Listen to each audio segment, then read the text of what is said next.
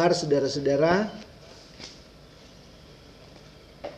Puji Tuhan saya bisa melihat saudara dalam keadaan yang sehat, diberkati Tuhan, dalam perlindungan Tuhan. Puji Tuhan, Tuhan Yesus memberkati kita semua. Hari ini kita bersyukur kepada Tuhan sebab uh, Tuhan baik, saudara dan saya masih bisa terus beribadah kepada Engkau, kepada Tuhan dan ya mungkin ada saudara yang sedih karena tidak bisa mudik. Ada yang tidak bisa pulang kampung. Ya. Ya memang zaman sekarang harus kita berjaga kita bersabar sabar sedikit lebih baik daripada uh, berkepanjangan ya.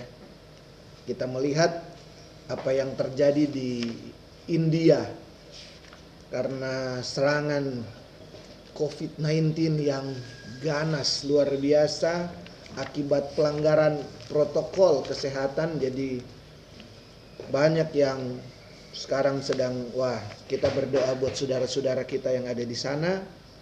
Ada di tempat-tempat lain juga yang kalau kita suka baca uh, berita maka saudara akan lihat ada beberapa tempat yang COVID-19 begitu mengganas ya seperti badai. Jadi termasuk India sedang menghadapi badai COVID-19. Rumah sakit angkat tangan, rumah sakit eh, fasilitas-fasilitas kesehatan mereka yang tidak bisa uh, apa tidak bisa melayani begitu banyak 500 ribu orang dalam satu hari uh, pasien COVID-19 dalam satu hari saudara 500 ribu artinya dalam 10 hari ada 5 juta orang. Ya, bersyukur kepada Tuhan, saudara dan saya kita masih terus bisa menikmati uh, kesehatan yang daripada Tuhan. Kita harus banyak bersyukur. Jadi kalau cuman ada yang nggak bisa pulang kampung, ya bersyukur saja kepada Tuhan. Tuhan sampai hari ini Tuhan tetap baik buat kita semua. Puji Tuhan. Kebenaran firman Tuhan pada sore hari ini di dalam kisah para rasul pasal yang pertama kisah para rasul pasal 1 ayat yang ketiga demikian firman Tuhan kisah para rasul 1 ayat yang ketiga kepada mereka ia menunjukkan dirinya setelah penderitaannya selesai dan dengan banyak tanda ia membuktikan bahwa ia hidup. Sebab selama 40 hari ia berulang-ulang menampakkan diri dan berbicara kepada mereka tentang kerajaan Allah. Haleluya, puji Tuhan. Saya ingin membagikan kebenaran firman Tuhan ini karena kita sedang ada di masa-masa uh, pasca sebetulnya masih masuk masa pasca sampai kepada kebangkitan Kristus dan uh, peristiwa ya di dalam uh, gereja disebut kalangan di karangan gereja disebut peristiwa kristologi atau peristiwa-peristiwa uh, Kristus mulai dari Natal kemudian kematian dan kebangkitan Kristus dan kita akan masuk pada kenaikan Kristus. Nah, tanggal 13 besok saudara dan saya akan rayakan bersama-sama Yesus yang sudah bangkit dia naik ke sorga. Nah mulai antara kebangkitan sampai dengan kenaikan Kristus itu ada 40 hari. Firman Tuhan katakan 40 hari ya ayat 3 ini. 40 hari Yesus berulang-ulang menampakkan diri. Jadi catatan-catatan yang bisa saudara dan saya baca di dalam kitab-kitab Injil Matius, Markus, Lukas dan Yohanes bagaimana Yesus menampakkan diri kepada Maria Magdalena, Yesus menampakkan diri kepada murid-murid Yesus, Yesus menampakkan diri kepada dua orang murid yang berjalan di jalan ke Emmaus. Yesus menampakkan diri kepada murid-muridnya plus Thomas karena pada pertemuan sebelumnya Thomas masih tidak percaya dia berkata kepada murid-murid yang lain sebelum saya melihat Yesus karena waktu Yesus menampakkan diri Thomas nggak ada. Memang uh, murid-murid yang lain kamu sih nggak ada waktu itu. Harusnya kamu percaya saja. Enggak. Kalau aku belum lihat Yesus kalau jariku ini belum kucucukkan ke lukanya Yesus, tangan dan kakinya, aku belum akan percaya. Jadi kemudian firman Tuhan katakan satu minggu kemudian Yesus menampakkan diri lagi kepada murid-muridnya di mana di situ sudah ada Thomas. Nah, saudara-saudara bahkan firman Tuhan katakan bahwa Rasul Paulus menulis di dalam satu Korintus dikatakan bahwa ada 500 orang lebih yang menyaksikan Yesus naik ke sorga. Jadi ada saksi-saksi kebangkitan Kristus. Dan memang itulah tujuan dari Yesus. Yesus menampakkan diri kepada banyak orang. Firman Tuhan katakan, ia membuktikan bahwa ia hidup. Yesus merasa perlu untuk membuktikan dirinya bahwa dia hidup. Kenapa? kubur kosong itu tidak membuktikan dia hidup. Kita suka nyanyi kan ya. Sebab dia hidup ada hari esok. Sebab dia hidup ku tak gentar. Sebab karena ku tahu dia pegang hari esok. Kan ada yang suka nyanyi. Kubur kosong membuktikan dia hidup. Apa betul kubur kosong membuktikan Yesus hidup? Tidak. Maria Magdalena melihat kubur yang telah kosong, dia menangis dengan sedihnya. Dia berkata bahwa mayat tuanku telah dicuri orang. Saudara-saudara, kubur kosong tidak bisa membuktikan Yesus hidup, tetapi yang membuktikan Yesus hidup adalah Yesus sendiri. Haleluya. Dia datang kepada orang banyak. Dia datang kepada murid-muridnya di tengah-tengah keraguan. Bahkan Thomas pun ragu bahwa Yesus sudah bangkit. Pada saat itu siapa yang percaya orang mati dibangkitkan? Kalau waktu Yesus melayani dia membangkitkan seorang anak muda di Nain, dia membangkitkan Lazarus. Tapi itu adalah pekerjaan Yesus. Orang katakan, "Oh iya, memang Yesus punya kuasa." Tetapi sekarang apakah ada orang yang bisa membangkitkan dirinya sendiri?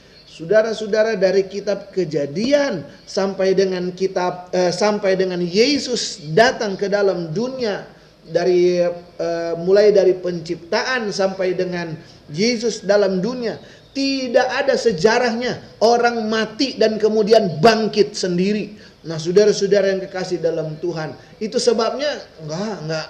Bahkan termasuk Thomas pun tidak mengakui, dia tidak percaya Yesus sudah bangkit sekalipun kuburnya sudah kosong dan tidak ada mayatnya.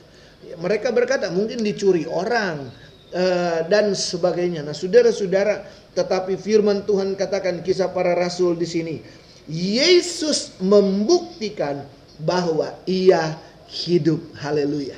Jadi Yesus sendiri yang membuktikan bahwa dia hidup dan dia juga membuktikan. Jadi kalau Yesus yang membuktikan bahwa dia hidup, saudara dan saya pun kita percaya kepada Tuhan karena Yesuslah yang membuktikan dia hidup. Hari ini Yesus ada, dia hidup hidup dalam kehidupan saudara dan saya. Dia ada di hati kita. Dia ada di kehidupan saudara dan saya.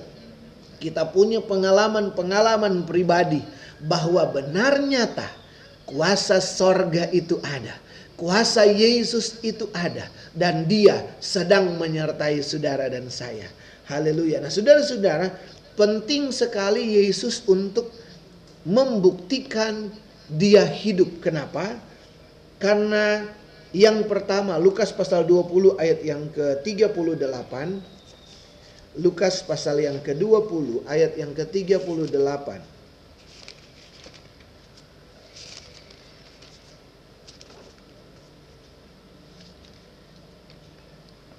Firman Tuhan berkata, Ia bukan Allah orang mati, melainkan Allah orang hidup. Sebab di hadapan Dia semua orang hidup. Haleluya. Karena Tuhan kita adalah Allah bagi orang yang hidup.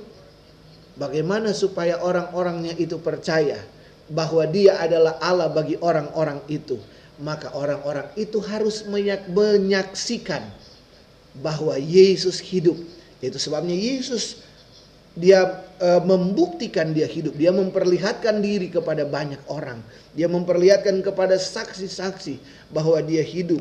Saudara-saudara, jadi begitu e, ketika kalau orang yang punya produk misalnya, punya barang yang bagus gitu. Kalau saudara lihat orang jualan gitu.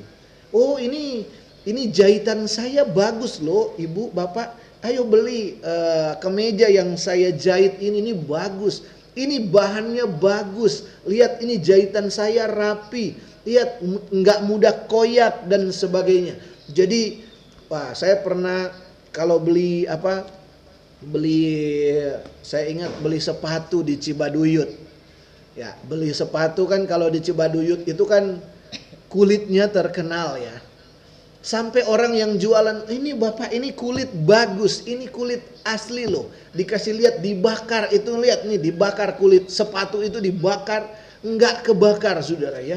Dikasih lihat loh kan, jadi kulitnya asli ini. Saya juga nggak tahu kalau kulit emang uh, apa namanya uh, kebal api atau enggak saya kan nggak tahu tapi orang itu berusaha meyakinkan bahwa barangnya itu baik sehingga kemudian akhirnya saya beli itu Uh, sepatu itu karena bagus ya kulitnya. Saya percaya oh kulitnya bagus. Nah, saudara-saudara, ketika Yesus dia berkata bahwa dia adalah orang uh, Allah bagi orang yang hidup, bagaimana saudara dan saya akan percaya kalau Yesus tidak hidup? Itu sebabnya Yesus harus hidup terlebih dahulu. Baru murid-muridnya bisa percaya, bisa memegang kata-katanya. Firman Tuhan katakan bahwa ia adalah Allah orang hidup. Berarti Yesus harus hidup terlebih dahulu.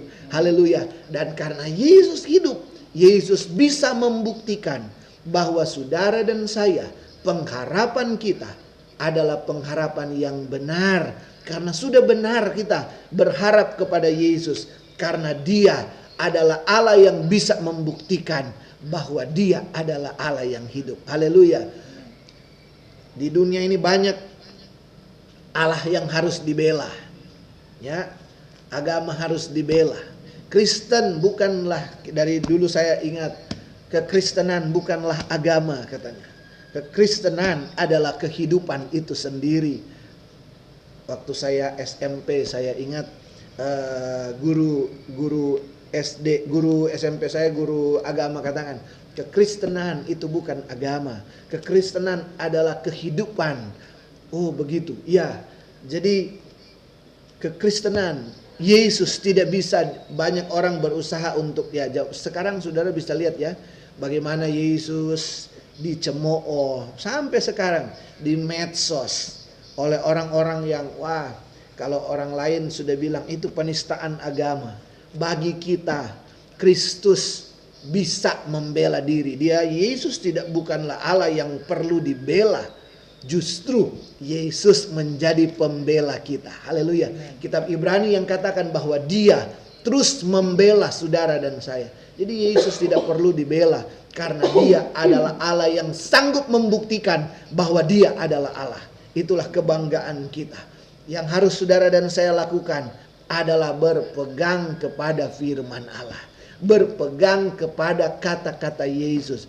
Berjalan sesuai dengan kehendak Yesus. Itu saja yang harus saudara dan saya lakukan.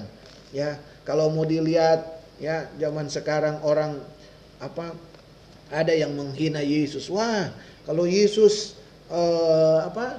Yesus lahir siapa bidannya? ada yang bertanya begitu. Nah, saudara-saudara ya, apalagi ada yang terakhir ini lagi heboh di uh, medsos katanya ada yang katakan bahwa Yesus adalah hasil hubungan gelap dari Maria. Waduh, sudah sudah hasil uh, perselingkuhan dari Maria. Ini membuat panas telinga banyak orang, tetapi saya percaya bahwa jemaat Tuhan kita tidak akan terpengaruh dengan yang seperti itu. Iman kita tidak bergantung pada hal-hal yang seperti itu, tapi iman kita hanya bergantung kepada Allah yang hidup, Yesus yang sudah yang mati tapi dia yang sudah bangkit dan sudah me membuktikan dirinya bahwa dia hidup. Itu yang pertama, dia adalah Allah orang yang hidup. Jadi dia harus membuktikan bahwa dia hidup. Yang kedua, Yohanes pasal 1 ayat yang keempat. Kitab Yohanes pasal 1 ayat yang keempat. Firman Tuhan berkata, di dalam dia ada hidup dan hidup itu adalah terang manusia. Hidup itu adalah terang manusia. Hidup itu adalah yang saudara dan saya butuhkan. Dan apa yang kita butuhkan ada di dalam Yesus. Kenapa? Karena Yesus hidup. Apa yang saudara dan saya butuhkan? Selama Yesus ada di dalam dunia melayani tiga setengah tahun. Yesus berkata, Akulah roti hidup Akulah kebangkitan dan hidup. Akulah jalan kebenaran dan hidup. Kepada perempuan Samaria, dia minta air, beri aku minum. Orang apa perempuan Samaria katakan, "Eh, nggak bisa kita bukan orang mana pernah orang Yahudi bergaul dengan orang Samaria kita nggak ada hubungan jangan minta minum Yesus katakan kalau orang minum dari air yang kuberikan, ia tidak akan haus lagi. Karena air yang kuberikan adalah air yang mencapai kekekalan. Yesus sedang berbicara tentang firman. Yesus berbicara tentang Yesus sendiri. Bahwa kalau perempuan itu mau menerima Yesus sebagai Tuhan dan Juru Selamat. Maka kehidupan perempuan itu akan terjamin sampai kepada kekekalan. Nah, saudara-saudara, ada banyak sekali Yesus, Yesus mau berkata kepada dunia ini. Yesus berkata kepada orang-orang bahwa dia dibutuhkan oleh dunia ini untuk kehidupan. Untuk hidup, maka Yesuslah jawabannya. Saudara-saudara, banyak orang di dunia ini mencari apa untuk hidup, mencari apa untuk keinginan ya, keinginan-keinginan dunia ini Yesus berkata, firman Tuhan berkata Matius 6 ayat yang ke-33, carilah dahulu kerajaan Allah dan kebenarannya. Maka semuanya itu apa yang diinginkan oleh dunia itu akan ditambahkan kepadamu. Yesus berkata, carilah dahulu kebenaran. Apa kebenaran itu? Yesus. Kita tidak bisa berjumpa dengan kebenaran kalau di luar Yesus. Tapi bersyukur saudara dan saya ada di dalam Yesus sehingga kita berjumpa dengan kebenaran. Kita berjumpa dengan kebutuhan hidup saudara dan saya. Kehidupan kita. Ya, hukum ekonomi ya semakin banyak. Jadi apa? Saya ingat kalau kita apa mungkin saudara masih ingat pelajaran ekonomi dulu di sekolah tentang ilmu apa eh, tentang hukum apa itu hukum kebutuhan kalau nggak salah ya semakin banyak alat pemuas kebutuhan, maka kebutuhan semakin meningkat. Semakin banyak uang, kebutuhan semakin meningkat. Jadi akhirnya uang tidak pernah cukup. Uang tidak akan pernah bisa memuaskan kebutuhan. Dulu yang penting ada HP puji Tuhan. Eh sudah dikasih HP aduh kalau bisa ada ini HP masih HP yang itu kalau bisa HP yang yang canggih bagus sudah dapat HP yang canggih oh ya masih kurang ada aja yang kurang dulu punya motor ya puji Tuhan. Uh, pertama sepeda. Oh kalau punya motor kan lebih enak. Nggak apa-apa biar motor uh, nggak terlalu bagus. Dikasih Tuhan motor yang kurang bagus. Wah ini mogok-mogok. Minta motor yang lebih baik lagi. Dikasih motor yang baik. Akhirnya wah pokoknya dasar manusia kita suka seperti itu ya. Beranjak terus kebutuhan ini. Karena memang hukum ekonomi sudah berkata alat pemuas kebutuhan itu terbatas. Semakin tinggi tingkat ekonomi seseorang, justru kebutuhannya semakin besar. Tetapi Yesus berkata, kalau saudara dan saya ketemu Yesus, kita minum, Yesus katakan, Yesus jamin, kalau ada orang minum air yang kuberikan, maka dia tidak akan haus lagi. Ini perkataan-perkataan Yesus yang seperti sebuah misteri, tetapi terbuka sekarang. Ter, perkataan Yesus mulai dimengerti ketika Roh Kudus turun. Waktu Yesus naik ke sorga, Roh Kudus turun.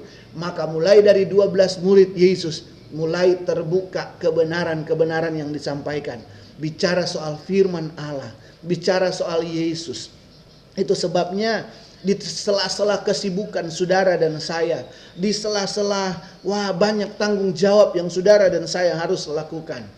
Tetap kita butuh Yesus. Itu sebabnya hari ini saat ini kita boleh berkumpul bersama-sama dalam upaya apa pun tidak bisa ketemu satu dengan yang lain kita online tidak masalah apa pun itu pokoknya saudara dan saya harus berjumpa dengan Tuhan karena dia kebutuhan kita ketika saudara dan saya selesai beribadah rasanya hati ini sejahtera karena berjumpa dengan Yesus bersama-sama dengan kawan-kawan seiman, saudara-saudara seiman, kita menyatukan iman kita, menarik perhatian Yesus dan Yesus datang memberkati saudara dan saya dalam damai sejahtera yang sesuai dengan oh damai sejahtera Tuhan yang luar biasa.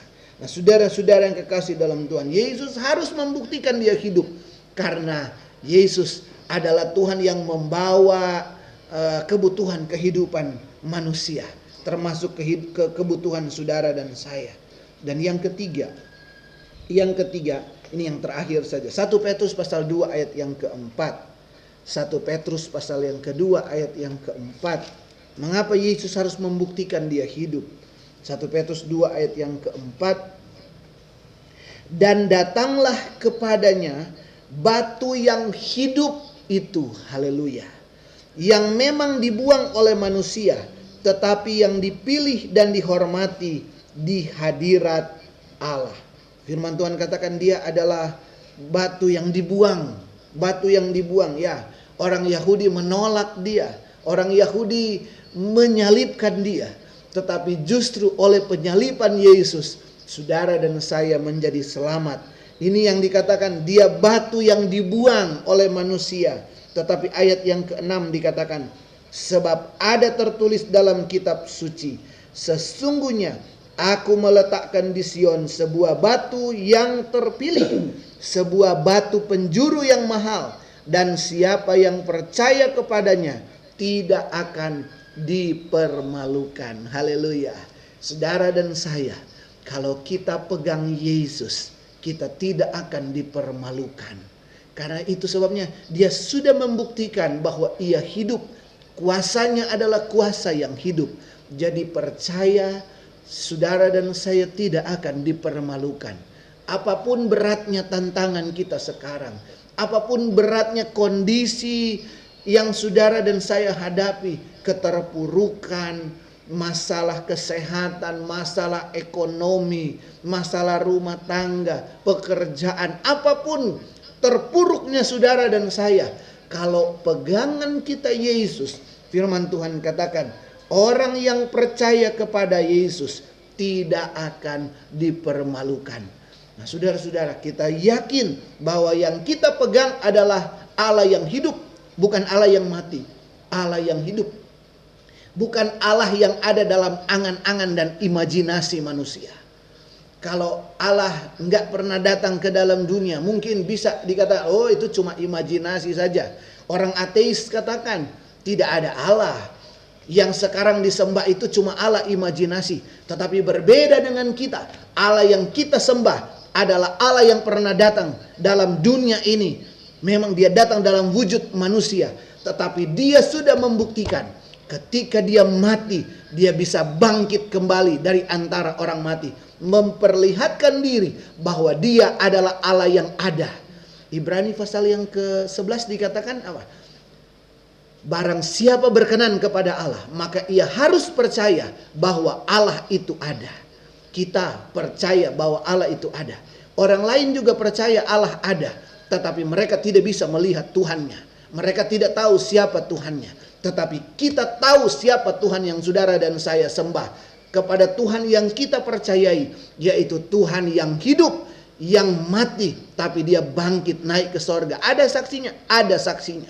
Itu sebabnya Rasul Paulus pun berkata, aku tahu kepada siapa aku percaya. Saudara juga harus tahu kepada siapa saudara percaya. Sebagaimana saya tahu kepada siapa saya percaya, yaitu Tuhan yang hidup Saudara dan saya bisa merasakan kuasa Tuhan itu. Bukan hanya rekayasa, tapi kuasa Tuhan itu benar-benar nyata. Dia membawa saudara dan saya, memelihara kita, dan membawa kita kepada kemenangan, kepada janji-janji Allah. Tidak perlu khawatir, tidak perlu takut dengan masa-masa yang sekarang. Kita harus waspada dengan COVID-19 karena itu binatang buas yang berbahaya. Tidak terlihat, dia kasat mata dia saking kecilnya. Dia tidak terlihat tapi dia sedang jalan-jalan di luar sana. Jadi kalau mau keluar pakai masker, mau keluar harus protokol kesehatan, jaga jarak. Jangan pulang kampung dulu, ya itu ikutin karena pemerintah tahu apa yang harus dikerjakan. Kita ikutin saja. Karena ada binatang buas yang merajalela, tapi dia pasti bisa dikalahkan. Dengan apa? Dengan keyakinan di dalam Yesus. Saya percaya ada maksud dan rencana Tuhan dalam hidup kita. Mari tetap kuat di dalam Yesus. Yesus sudah membuktikan dia hidup. Kita bersyukur karena dia adalah Allah yang sanggup membuktikan dirinya hidup. Kita sudah benar berpegang kepada Yesus. Puji Tuhan, Tuhan Yesus memberkati kita semua. Minggu depan kita akan memperingati kenaikan Kristus. Ya, selama 40 hari Yesus membuktikan dia hidup. Hari yang ke-40 Yesus naik ke sorga. Yesus sudah naik 2000 tahun yang lalu dia sudah naik. Tapi Yesus katakan, Aku tidak tinggalkan engkau yatim piatu. Aku kirimkan seorang penolong yang lain yang sekarang sudah bersama-sama dengan kita, yaitu Roh Kudus, menolong dan menyertai saudara dan saya. Puji Tuhan, Tuhan Yesus memberkati kita semua dengan kebenaran firman Allah. Tetap percaya kepada Tuhan. Kita akan berdoa untuk firman Allah dan juga langsung doa berkat, doa tutup dan kita nyanyikan pujian